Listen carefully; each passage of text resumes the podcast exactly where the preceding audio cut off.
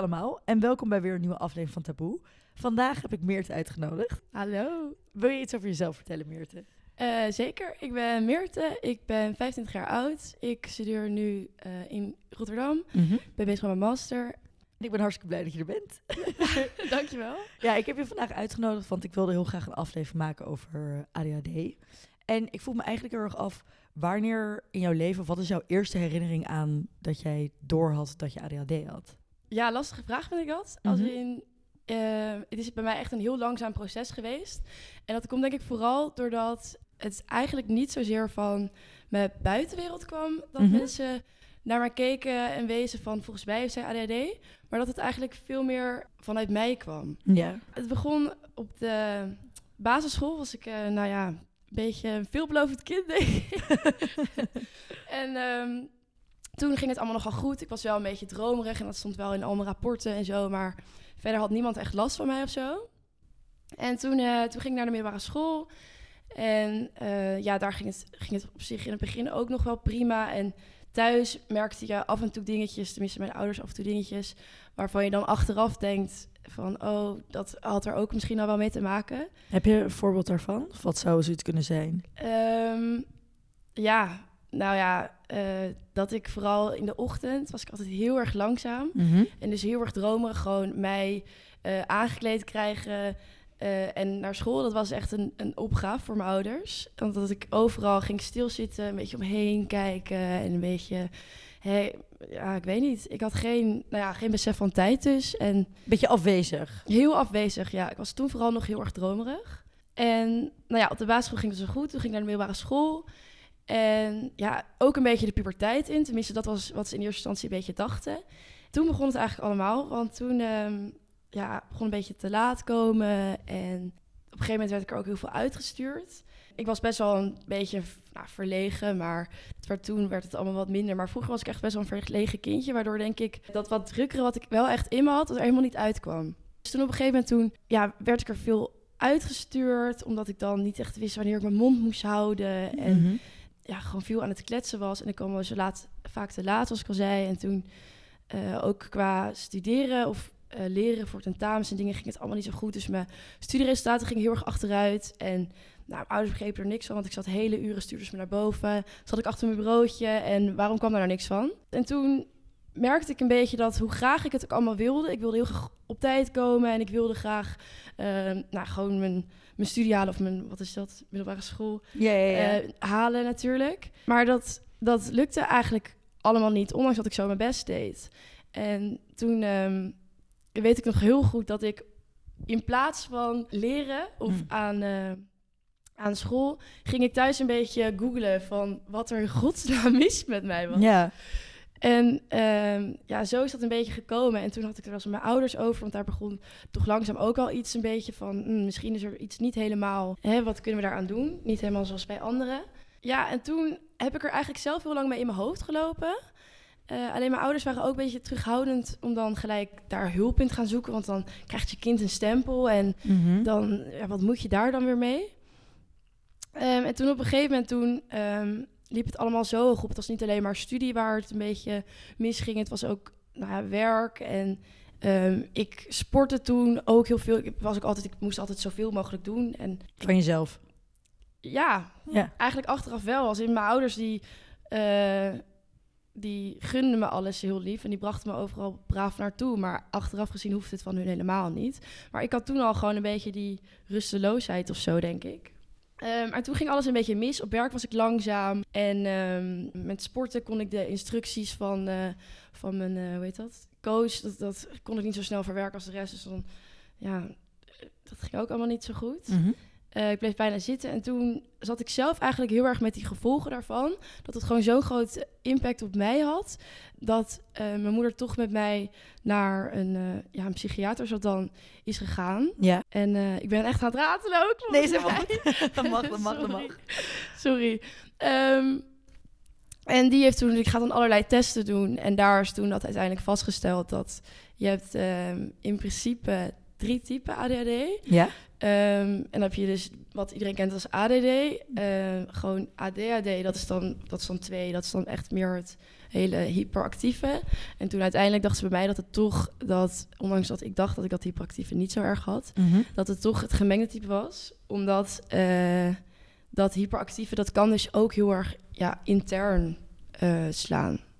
Ja, en misschien ook wat je zegt als je veel met mensen bent waar je je toch niet helemaal op je gemak voelt, dat het er dan niet uitkomt. Maar dat het dan Mhm. zich inderdaad uit in die rusteloosheid van jezelf helemaal vol plannen en veel sporten en werken en leren. En dan, dan ben je eigenlijk ook druk. Op een andere manier, je bent niet aan het rondspringen, maar Ja, je, je maakt jezelf wel heel druk. ja want een, eh, weet ik veel, een middag op de bank, een hele middag...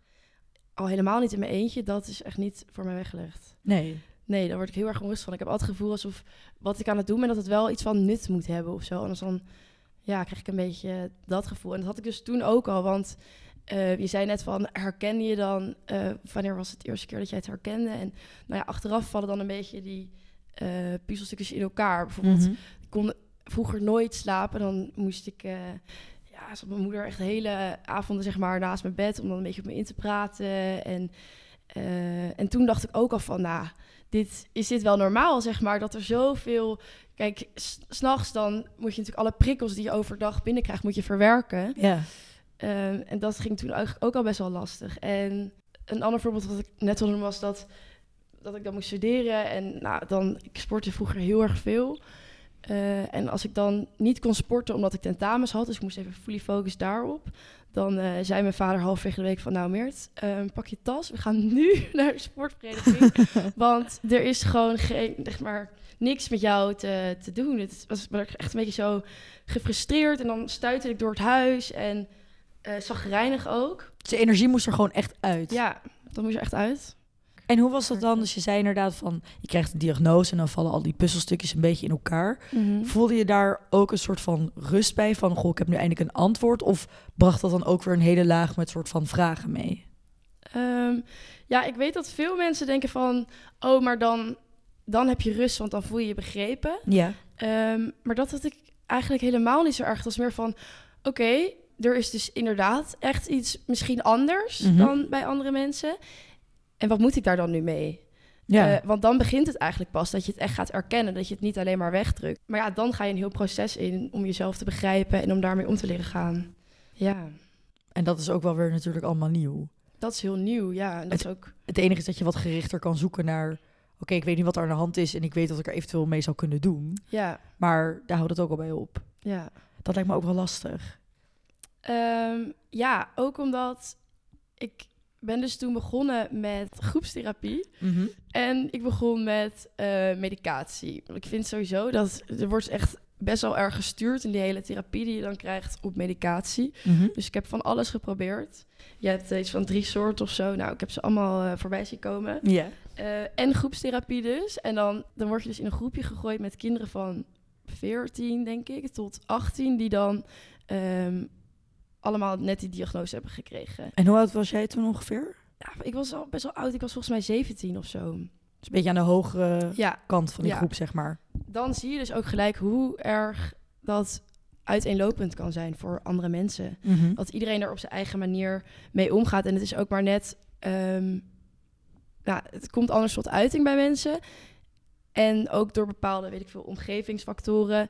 eh, gaat iedereen er uiteindelijk anders mee om. En daar waren dus ook kinderen die bijvoorbeeld echt hele erg agressieproblemen hadden... of eh, heel erg een, een, een angststoornis hadden ontwikkeld daardoor. En dat zijn dus niet direct gelinkt aan ADD misschien... maar wel dingen waar ik me echt goed kan van voorstellen... dat je dat sneller ontwikkelt door...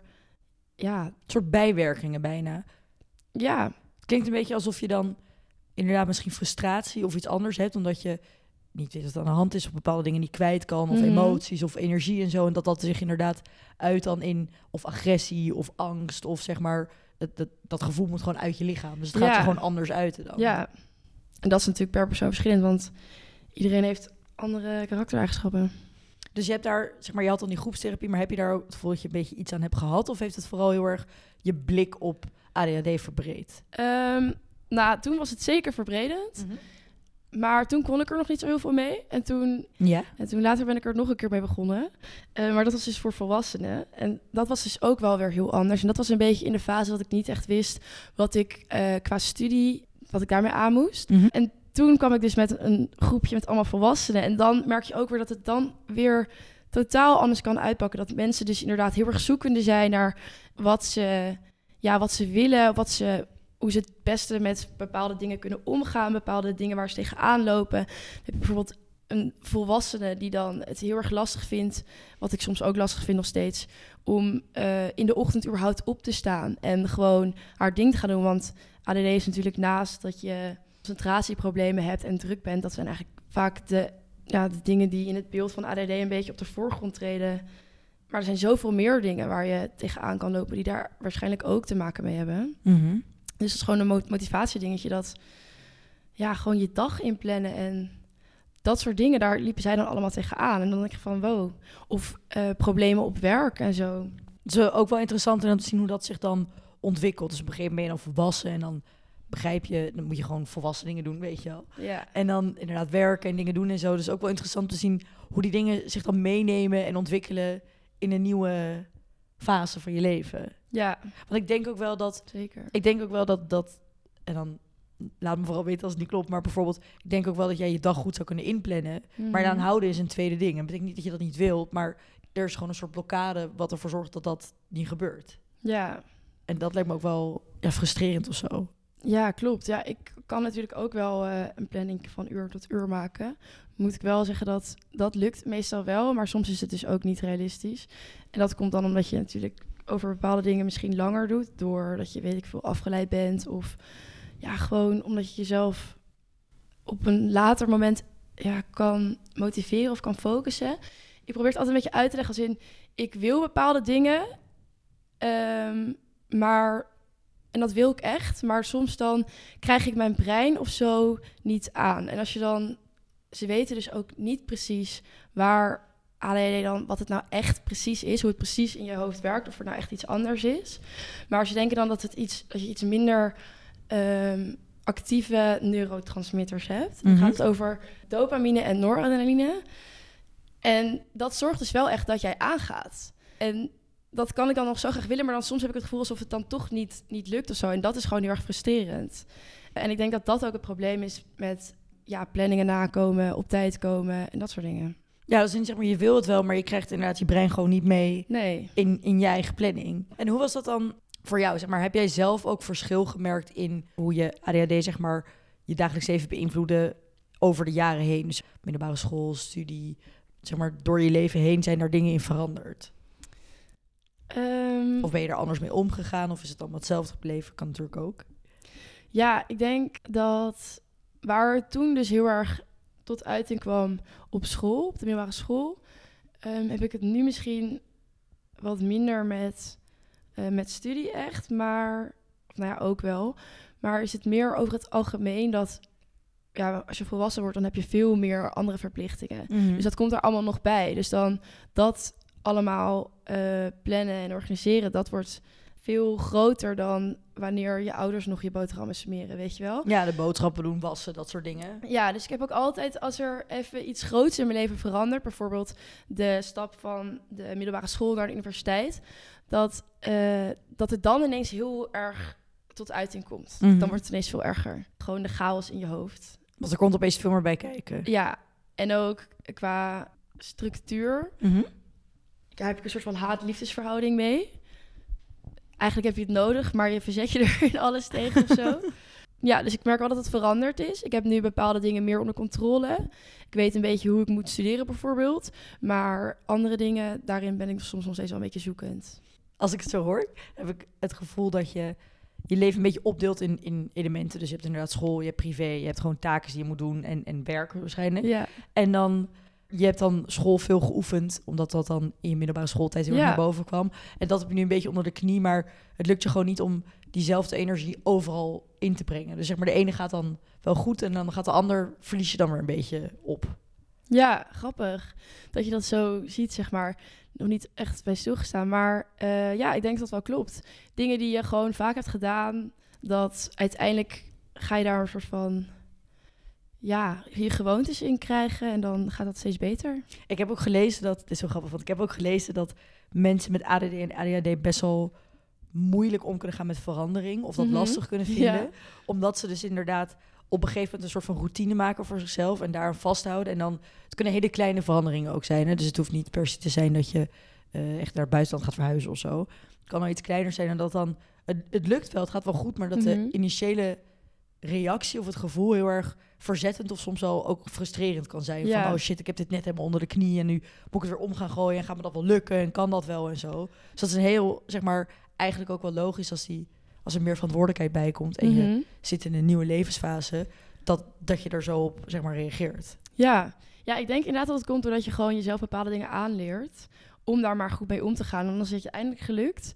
En dan moet je weer een soort van onzekere fase in waarvan je denkt, ik weet eigenlijk allemaal niet of dat dit wel lukt. En je hebt al zoveel eh, eigenlijk ervaring vanuit je jeugd met dat dat dan vaak niet goed gaat. Dat je denkt, nou, ik had het liever gehad dat het even, zeg maar, zo was gebleven. Want dan, dan weet ik in ieder geval dat ik, hoe ik het moet doen en dat ik het kan. Ja, dat je bijna bang bent van, oh, ik heb inderdaad het ervaring, weet ik dat dat misgaat. Dus ik ben eigenlijk bang als het nu gebeurt dat het weer misgaat. Ja. Terwijl het kan ook een keer goed gaan natuurlijk. Het hoeft niet gelijk mis te gaan. Maar omdat dat je herinnering is, dan denk je Mhm. eigenlijk gelijk al van, oh, het gaat, gaat zo gebeuren. Ja. Wat dat interessant om dat zo, zo te weerleggen. ja, ik denk ook dat ik dat misschien wel het allerlastigste vind aan ADHD. Dat is meer dus dat je vanuit vroeger al soort van hebt meegekregen dat bepaalde dingen eh, lastig zijn. Is het heel erg lastig om dat denkpatroon, om dat zeg maar te breken. Eh, en om te denken van, nee, ik kan dat wel, ik ga dat wel doen. Ehm, en Ja. dat, ja. Want het, je herinneringen werken natuurlijk ook gewoon op, nou, wat herken ik? En dat patroon, ga, dat zoek je altijd, zeg maar. Dat is gewoon hoe je brein werkt. Ja. En als je een negatieve herinnering ergens aan hebt of een negatieve ervaring ergens mee hebt gehad en je hebt het gevoel dat je weer zoiets soortgelijks gaat meemaken, dan is het ook logisch dat dat stress veroorzaakt of, of frustratie of dat je dus bij voorbaat al denkt een soort resistentie daartegen hebt. ja. Hoe denk jij dat andere mensen die, die geen ADHD of ADD hebben, eh, denken over mensen met ADHD of wat ze ervan vinden? Ehm, ja, ik denk dat dat heel erg verschillend is. Maar ik denk over het algemeen dat er wel een aantal opvattingen zijn over ADHD. Ja, wat ik, wat ik nog best wel lastig vind. Als in, ik twijfelde ook van, ga ik dit gesprek zeg maar nu aan? Ja, ja, ja. Eh, een beetje om die meningen van andere mensen. Eh, omdat, ja, ik heb vaak wel het gevoel, kijk, als er bijvoorbeeld een keer iets niet lukt, stel het is op studie, stel het is op werk, dan is er vaak onbegrip voor. Mhm. Omdat het niet zichtbaar is dat ik ADHD heb. En ik communiceer het eigenlijk ook niet, liever niet. Ehm, omdat het een beetje voelt alsof ik dan zielig gevonden wil worden of zo. Of dat ik op zoek naar excuus ben voor bepaalde dingen die ik doe. Terwijl ik zal altijd volle verantwoordelijkheid nemen voor zeg maar, de dingen die ik doe. Ja. Het is alleen soms wel echt lastiger. En ja, soms merk ik gewoon dat mensen geen begrip opbrengen voor ja, dingen die jij niet afkrijgt. Of als je ergens te laat komt. Dat is natuurlijk ook super irritant. Mhm. Maar ik heb soms dus wel het gevoel alsof ehm, mensen zien alsof je dat dan als excuus zou gebruiken of zo. Dat je erachter verschuilt. Ja, Van, oh, weet je al, dat gebeurt, want ik heb ADHD. ja precies. Terwijl het eigenlijk ook juist voor heel veel begrip kan zorgen. Dus Ja? zeg maar, ik denk, ik kan niet voor iedereen spreken, maar ik denk wel dat als je dat zou uitleggen Mhm. ehm, en gewoon zou uitleggen dat je dat hebt, maar Mhm. in een andere context dan als er iets mis, misgaat, zeg maar, en je het daarop blamet, dat Ja. mensen ook wel eens iets hebben van, oh, oké, maar weet je wel, het kan daar, dat ze voor zichzelf Ja. de, de, de, de link leggen van het kan daaraan liggen, in plaats van dat jij zelf zegt, nee, het ligt daaraan, dus dan verschuil ik me erachter, zeg maar. Ja, Maar ik snap wel dat dat lastig is. Ik denk ook wel dat jij ziet jezelf gewoon als jezelf. Je ziet jezelf niet als oh eh Meerte die ADHD heeft, weet je wel. Je ziet jezelf gewoon, dus je gaat jezelf ook niet introduceren als hoi, ik ben Meerte, ik heb ADHD. Zeg maar toen ik eetstoornis had, was het ook niet zo van ik ben Tessa en ik heb een eetstoornis. Ja. weet je wel, zeg maar misschien valt dat iets meer op, want dat zou je misschien wel kunnen zien, maar als je mij niet kent, had je dat ook niet per se kunnen weten. En dan denk ik ook, ja, ga ik dat dan nu introduceren aan jou of, of dat is ook wel gek. Nee, ja, en ik denk dat dat dus ook een beetje het probleem is. Dat gewoon heel veel mensen ook het standaardbeeld hebben van eh, een jongetje die druk is. En dan, als ze dan mij zien en ik zou dat een keer opgooien, dan denken ze, "Huh, maar zo kom je helemaal niet over. Ik heb ook gelezen dat meiden er vaak later achter komen, omdat het inderdaad het heel erg het beeld is van, weet je, op de basisschool dat je één zo'n heel druk jongetje hebt Ja. door de klas heen rent en dan, weet je, niet kan stilzitten en dan, oh, die heeft waarschijnlijk ADHD, terwijl meiden van nature, hoeft niet altijd, maar van nature fysiek gewoon wat rustiger zijn. Mhm. Maar dat betekent niet dat ze, dat ze rustig zijn. Ja.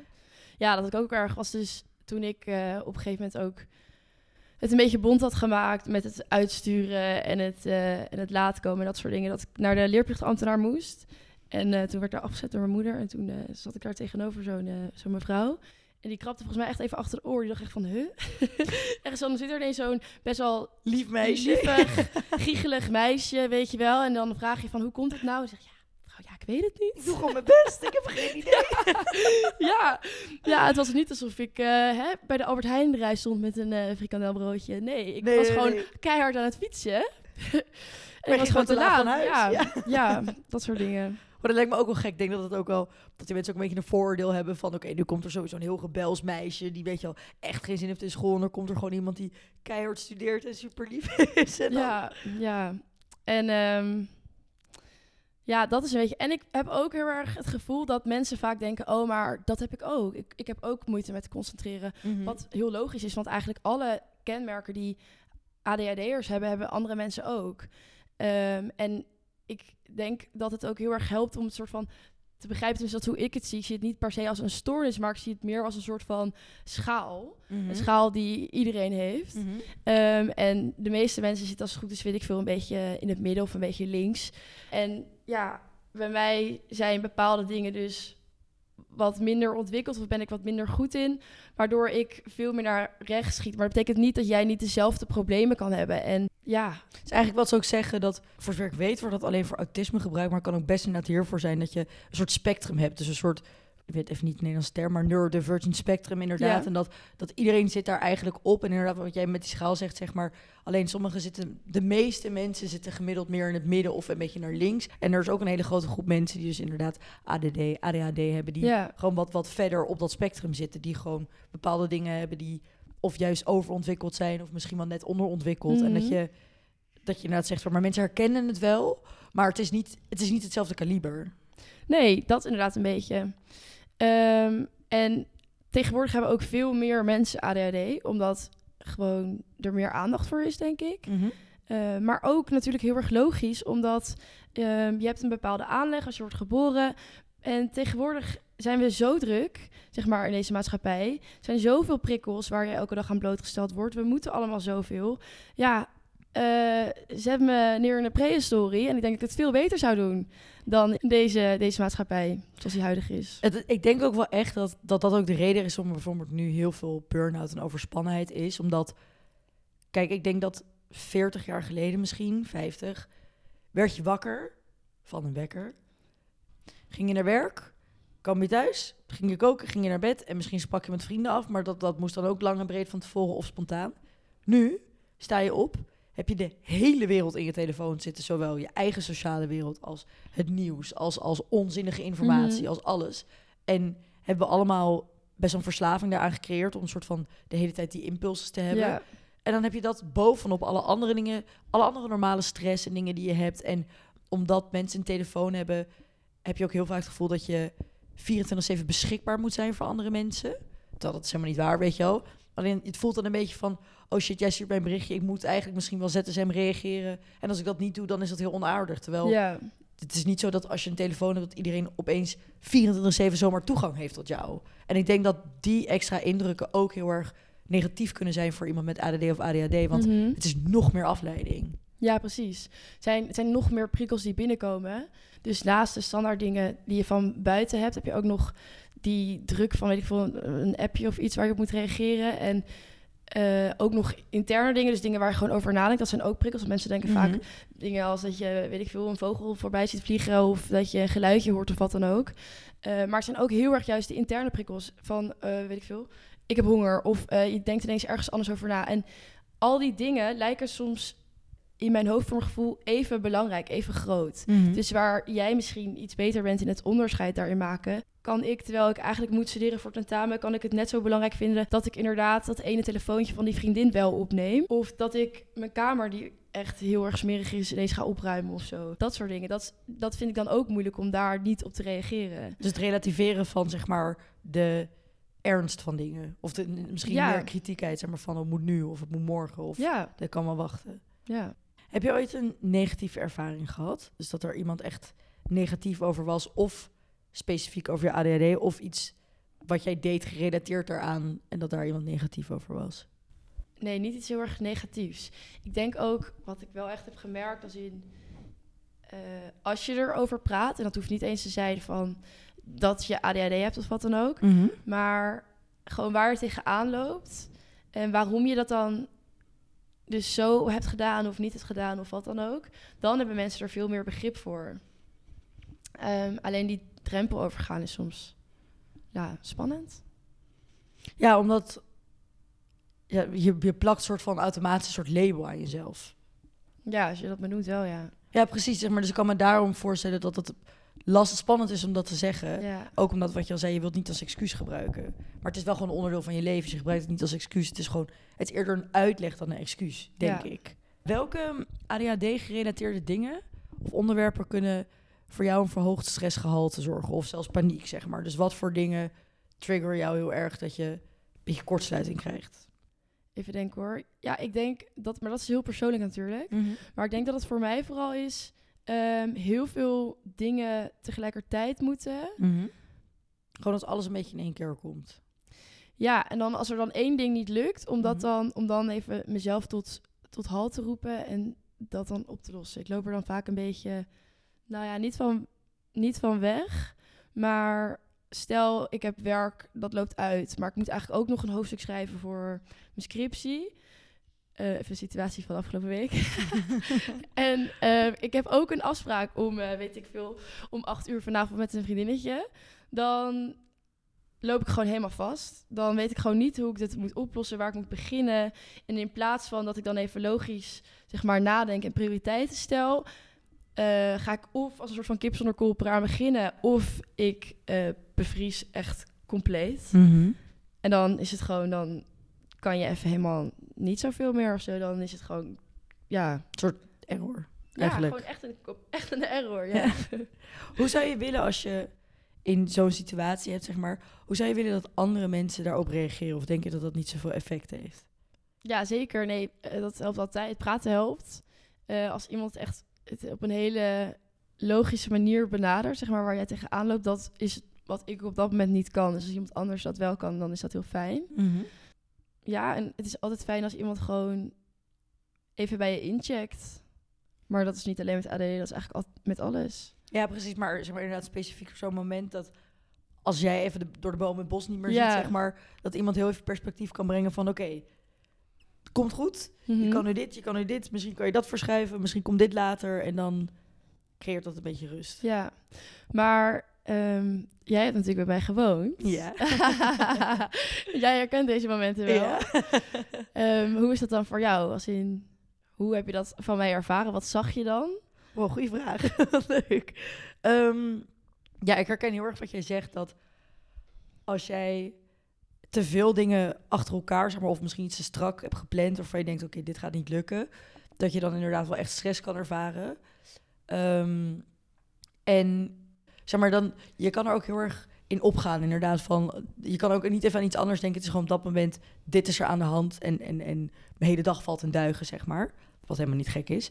En ehm, voor mij is het dan heel erg van, oké, ik heb er sowieso iemand die iemand dan heel graag wil helpen. Dus dan denk ik, oké, ik moet het arme kind even, Ja, ja. even helpen. Ja. En dan, zeg maar, wat ik me kan herinneren, wat wij inderdaad ook vaak deden, was gewoon ook maar meer het, wat moet je dan precies doen? Zeg maar, wat is het probleem? ja. Wat is op de planning? En dan dat we inderdaad ook zaten van, oké, ehm, maar dat kan toch prima? Of inderdaad, verzet dan even dit, of kijk even dat, of begin nu hiermee. Zorg dat dit af is. En dan kijken we daarna wel weer verder. En dan ja. draaide jij ook wel, jij kon er ook wel weer snel uit. Zeg maar, je kon ook wel weer snel denken, ja, oké, je hebt gelijk, we gaan het nu doen. En dan had je, naar mijn idee, zeg maar, altijd ook wel weer echt motivatie om het dan te gaan doen. ja. Dus dat, dat wat jij zegt, zeg maar, dat je dat nodig hebt, dat herken ik ook wel in, in hoe jij daarin ook wel weer verandert. Dat iemand je gewoon zo er even uittrekt, zeg maar. Ja, het is letterlijk even het structureren van mijn gedachten, waar jij altijd wel heel goed mee kon helpen. Oh, ja, nee, maar dat is heel fijn. Gewoon een soort van rustige benadering. En eh, niet te veel medelijden, want dan krijg ik ook zelf medelijden. Dat moeten we vooral niet hebben. Ja, maar ik kon dan ook wel, zeg maar, intern echt denken van... Oh meisje, komt echt op een goed, weet je wel. Maar inderdaad, zeg maar, als iemand al heel erg in de stress zit... dan wat ik meestal gewoon doe, is inderdaad gewoon zeggen van... Even, even niet focussen op het stresspunt, weet je. En dan daarna zeggen van, zie je, het komt wel goed, het is allemaal oké. Maar inderdaad, eerder oplossingsgericht dan heel even op het probleem focussen. Zijn er andere dingen ehm, die, jou, die je mist in je leven waarvan je denkt, dit zou me wel kunnen helpen? Ja, ik denk gewoon een beetje het besef dat we allemaal heel erg ingesteld zijn op een bepaalde manier van werken en doen. En dat iedereen dat dan maar op dezelfde manier zou moeten kunnen. Ik bedoel, eh, studie of school en universiteit is allemaal heel erg vaak wel ingericht op eh, je gaat naar college en iemand staat daar een presentatie te doen voor een uurtje. Vervolgens ga je naar huis en moet je artikelen lezen. Mhm. Terwijl er zijn zoveel andere manieren waarop iemand kan leren en waarop eh, iemand later in zijn werk tot zeg maar zijn beste versie kan komen. Mhm. Dus ga daar zeg maar over nadenken. En als jij iemand wilt helpen met ADHD of iemand die misschien dezelfde verschijnselen heeft, ja, ga die persoon proberen te begrijpen en ga op zoek naar wat wel voor diegene werkt. En niet maar iemand in een bepaalde richting drukken die misschien wel helemaal niet eh, past. Want dat was ook wat ik de eerste jaren, zeg maar, tijdens therapie en dat soort dingen, wat me heel erg opgedrongen werd, dat ik eh, allemaal maar moest gaan leven zoals andere mensen dat deden. Terwijl nu ik het eigenlijk iets meer ben gaan omarmen, zeg maar, dat ik, ja, bepaalde dingen ben ik gewoon niet goed in en andere dingen ben ik wel, dan ga ik nu juist meer focussen op die eh, positieve kant om dat te benutten. Dus ja, het klinkt heel stoer, maar even een gek voorbeeld. Ik kan misschien niet twee weken van tevoren heel rustig elke, elke dag iets doen aan een deadline. Maar twee dagen van tevoren eh, durf ik bijna te zeggen dat ik zoveel werk zeg maar, kan verzetten dat andere mensen dat misschien minder goed zouden doen. Die zouden, weet ik veel, bezwijken onder de stress of zo. Ja, en daarnaast hou je ook gewoon goede resultaten ermee. Dus het is niet dat je zeg maar twee dagen het afraffelt en het inlevert. Zeg maar, je kan dan ook inderdaad in twee dagen de volledige focus brengen, het inleveren en soms beter scoren dan iemand die er twee weken over gedaan heeft. Ja, ja dat, dat is dan eh, met betrekking tot studie. Dus ook gewoon andere onderwijsvormen als alleen maar dat saaie, taaie gedoe. En ook met, met vriendschappen, denk ik. Met sociale contacten. Want we focussen altijd heel erg op werken en studie en zo. Maar het komt natuurlijk ook gewoon in het dagelijks leven voor. Kijk, als je ergens, weet ik veel, te laat komt of ergens niet op reageert. Of ehm, dingen als attent zijn of zo. Mhm. Ja, dat je daar dan gewoon over praat of zo. Ik denk dat dat wel echt zou helpen. Heb jij veel last gehad van stigma rondom ADHD? Dat zijn dan een beetje die opvattingen waar we het net ook over hadden, bedoel je? Ja, dus eigenlijk zeg maar negatieve labels die geplakt worden op het label ADHD, zeg maar, die andere mensen, wat waar andere mensen van denken dat dat zo is. Ja, ja, wel. En dat is gewoon, ja, heel vervelend of lastig om daarmee om te gaan. Terwijl ik denk dat juist, misschien niet per se het stigma, maar ook je, zeg maar, het beeld over jezelf, dat dat hetgene is waar ik het meeste last van heb gehad. Als in, ik moet elke dag, moet je, heb je bepaalde dingen die je moet plannen en moet, heb je die executieve functies die een beetje minder ontwikkeld zijn bij jou, misschien die heb je nodig in Mhm. alles. En dan over de tijd word je zo vaak teleurgesteld Mhm. dat dat wel echt iets lastigs is om daar dan mee om te gaan. En andere mensen die gaan, hoe dan ook, of je het nou wel of niet uitspreekt, gaan op een gegeven moment een soort van beeld van jou vormen. En ik denk dat dat, dat, dat het lastige is. Kijk, de ene keer lukken bepaalde dingen wel, kan je dingen wel. En de andere keer krijg je dat brein niet aan en dan lukt het even niet. Dus andere mensen om je heen weten misschien niet wat ze van jou moeten verwachten. Die begrijpen je niet helemaal. Dus dat is wel een stigma waar je dan zeg maar tegenaan loopt. En Omdat je zeg maar niet consequent hetzelfde present, eh, presteert, ja. maakt niet uit in welk vlak. ja, Dat je inderdaad dan bang bent dat andere mensen zoiets hebben van, oh, kan niet op jou rekenen, want de ene keer doe je A en de andere keer doe je B. ja, maar dat is ook heel lastig van jezelf. Want ja, de ene keer lukt het je wel om, om iets te doen en de andere keer lukt het niet. loopt het weer helemaal... Ja, dus je weet ook voor jezelf niet zo goed waar je op kan vertrouwen op je nee, eigen je weet soms niet waar je op kan bouwen. En dat is wel vervelend of zo. En ik ben al heel ver daarin. Dus Nu is het gelukkig niet zo ernstig als dat ooit was. Maar ja, dat zijn wel dingen die je moet langzaam, eh, die langzaam op moet bouwen. Dingen Ja. die je jezelf moet aanleren. En ook weer een soort van stukje zelfvertrouwen wat je dan weer op moet bouwen. Het is ook best wel interessant dat je dit zegt, want ik ging dus ook even online kijken. En het is dus ook echt zo dat heel veel ADHD'ers last hebben van dat zelfstigma. Dus zeg maar, ze laten dus bestaande vooroordelen onderdeel worden van hun zelfbeeld. Dus het hoeft niet eens zo te zijn, maar Mhm. inderdaad, dus het, het beetje het stigma van, oh, mensen met ADHD zijn een beetje all over the place, zijn, weet je wel, Mhm. eh, chaotisch. Of inderdaad, je kan er niet bijvoorbeeld dus op rekenen omdat mensen misschien chaotisch zijn. Dat dat niet eens per se echt zo hoeft te zijn voor die mensen. Of dat voor de ADHD'er zelf. Of dat mensen om zich heen echt zo over zich denken. Maar omdat zij denken dat andere mensen zo over hun denken. Dan Mhm. nemen ze dat dus zelf mee in hun zelfbeeld. Zonder dat dat zeg maar echt zo hoeft te zijn. Ja. Dus dat is best wel... Dat kan best wel negatieve interne ja, gedachten veroorzaken, weet je. Omdat je zoiets hebt van, oh, het lukt me niet. Of ik heb gefaald. Of maakt niet uit in welke context je dat denkt. Dit, zeg maar, dat is nooit leuk om, om zo te denken. Mhm. Dus best wel veel mensen hebben dat. Wat eigenlijk best wel ja, sneu is. Want dan dat praat je eigenlijk jezelf aan. Ja. Ja, wat ik zelf dan ook heb, ik bedoel, misschien heb ik zelf ook al dingen aangepraat, ik weet het niet. Maar dat ik altijd een beetje in strijd ben met mezelf. Dat ik denk, oké, welke dingen, wanneer moet ik even lief voor mezelf zijn? En mag ik denken van, joh, je hebt je best gedaan en dit komt misschien een beetje door ADHD. We proberen het volgende keer nog een keer. En wanneer moet ik echt denken, Meert, kom op, weet je wel? Eh, geef jezelf even een schop onder je reet en ga het gewoon doen. Of je hebt dit niet goed gedaan, je hebt niet goed opgelet of wat dan ook. Omdat ik voel verder niks in principe van ADHD hebben. Het is niet duidelijk wanneer... Snap je? Het is, Ja, ja, ja. het is gewoon een karaktertrek van mij. En ja... In de zin van, het is geen fysieke beperking waar je mee opstaat en elke dag mee dealt. Maar het is een intern iets waardoor je het zelf misschien sneller vergeet. Ja, dus het is niet echt duidelijk wanneer het... Ja, nee, het is gewoon een beetje onduidelijk hoe je ermee om moet gaan. En daar moet je een beetje je weg in vinden. Een beetje balans vinden tussen, eh, nou ja, zoals ik al zei, lief zijn voor jezelf dus. En gewoon streng zijn voor jezelf en denken, oké, dit, hier ga ik aan werken. Je hebt dus ook drie kenmerken. Dus je hebt inderdaad aandachtsproblemen, Mhm. hyperactiviteit en impulsiviteit. Ja. Dus het lijkt mij dus ook heel interessant om ehm, beslissingen of, of acties die er gebeuren door jouw ADHD, zeg maar, Mhm. te relateren naar, oké, welk onderdeel is het? Is het inderdaad hyperactiviteit, is het impulsiviteit of is het aandachtsproblemen? En dan Ja. kan je ook een soort van beetje voor jezelf kijken, oké, wat is dan het grootste obstakelblok of is alles hetzelfde? En dan kan je dat meenemen in alles wat je doet. Dan weet je gewoon van, oh, bijvoorbeeld, ik vind het heel lastig om mijn aandacht erbij te houden. Dus ik ga proberen mijn dag of mijn werk of dingen in te richten, waardoor ik daar het best op kan presteren. En elke keer als je ergens Dat is tegenaan echt heel loopt... grappig dat je dat zegt, want dat moest je op een gegeven moment moest je dat ook doen. Echt? Ja, ja, ja, dan moest je ook voor alles moest je dan opschrijven hoe lang je erover deed. En dan werd je je uiteindelijk bewuster van de tijd en zo. Ja. En- Ja, dat lijkt, me, dat lijkt me lastiger, want dat, als je echt met tijd moet gaan werken, lijkt het me dus veel meer Ja. stress brengen. Maar wat me dus wel interessant zou lijken, is gewoon als je inderdaad een week, elke keer als je ergens tegenaan loopt, dat je gaat relativeren.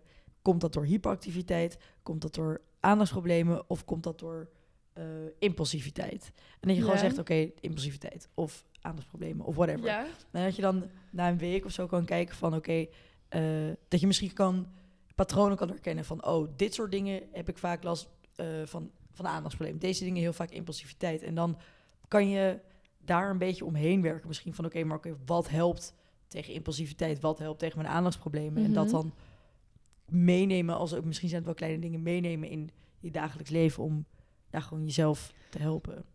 Ja, ik denk, ik denk alleen wel, ik snap wat je zegt. Alleen ik denk dat het een soort van de neiging is om weer onszelf heel graag te willen be- be- begrijpen en een bepaald ding Mhm. aan te wijzen en zo. Van dat is het probleem. Maar eh, ja, je hyperactiviteit bijvoorbeeld en eh, concentratieproblemen, dat is allemaal natuurlijk in elkaar verweven. Ja, dat is ook wel Maar zo. ik kan me misschien niet concentreren omdat ik Mhm. in mijn hoofd heel actief ben eh, met andere dingen. Dus het is veel minder makkelijk te categoriseren, zeg maar. Ja. Ik denk dat het veel meer zeg maar, in elkaar overloopt. Veel meer fluide is dan dat het echt gecategoriseerd is. Ja, ja dat is eigenlijk ook wel logisch. ja. Zijn er nog dingen waarvan je denkt dat we die gemist hebben in dit gesprek? Of onderwerpen die we niet belicht hebben? Of zijn er nog dingen die jij heel graag wil vertellen? Ehm, Nee, ik zou gewoon heel graag willen benadrukken dat eh, dit voor iedereen echt anders is. Mhm. Dus nu heb je een stukje van mijn verhaal gehoord, maar ja, bij iedereen eh, uit het zich anders en iedereen gaat er anders mee om. Eh, en ik denk dat het gewoon fijn is als we ja, er met elkaar over praten en begrip hebben voor elkaar. En als we gewoon over het algemeen uitgaan dat iedereen de beste bedoelingen heeft, dan krijg je misschien ook wat meer eh, ja, begrip in minder gewenst gedrag, zoals zeg maar mijn ADD-uitspattingen af en toe. Mhm. Nou, dat vind ik heel mooi gezegd. Ehm, ik wil je heel erg bedanken voor vandaag. Verder, als je het leuk vond om te luisteren, zorg even dat je Taboe volgt op Spotify, Apple Podcast en Podimo. Daarnaast zitten we ook op Instagram, TikTok, YouTube, eigenlijk op alles. Dus eh, ja, zorg dat je op alles abonneert. En dan zien we je weer volgende week.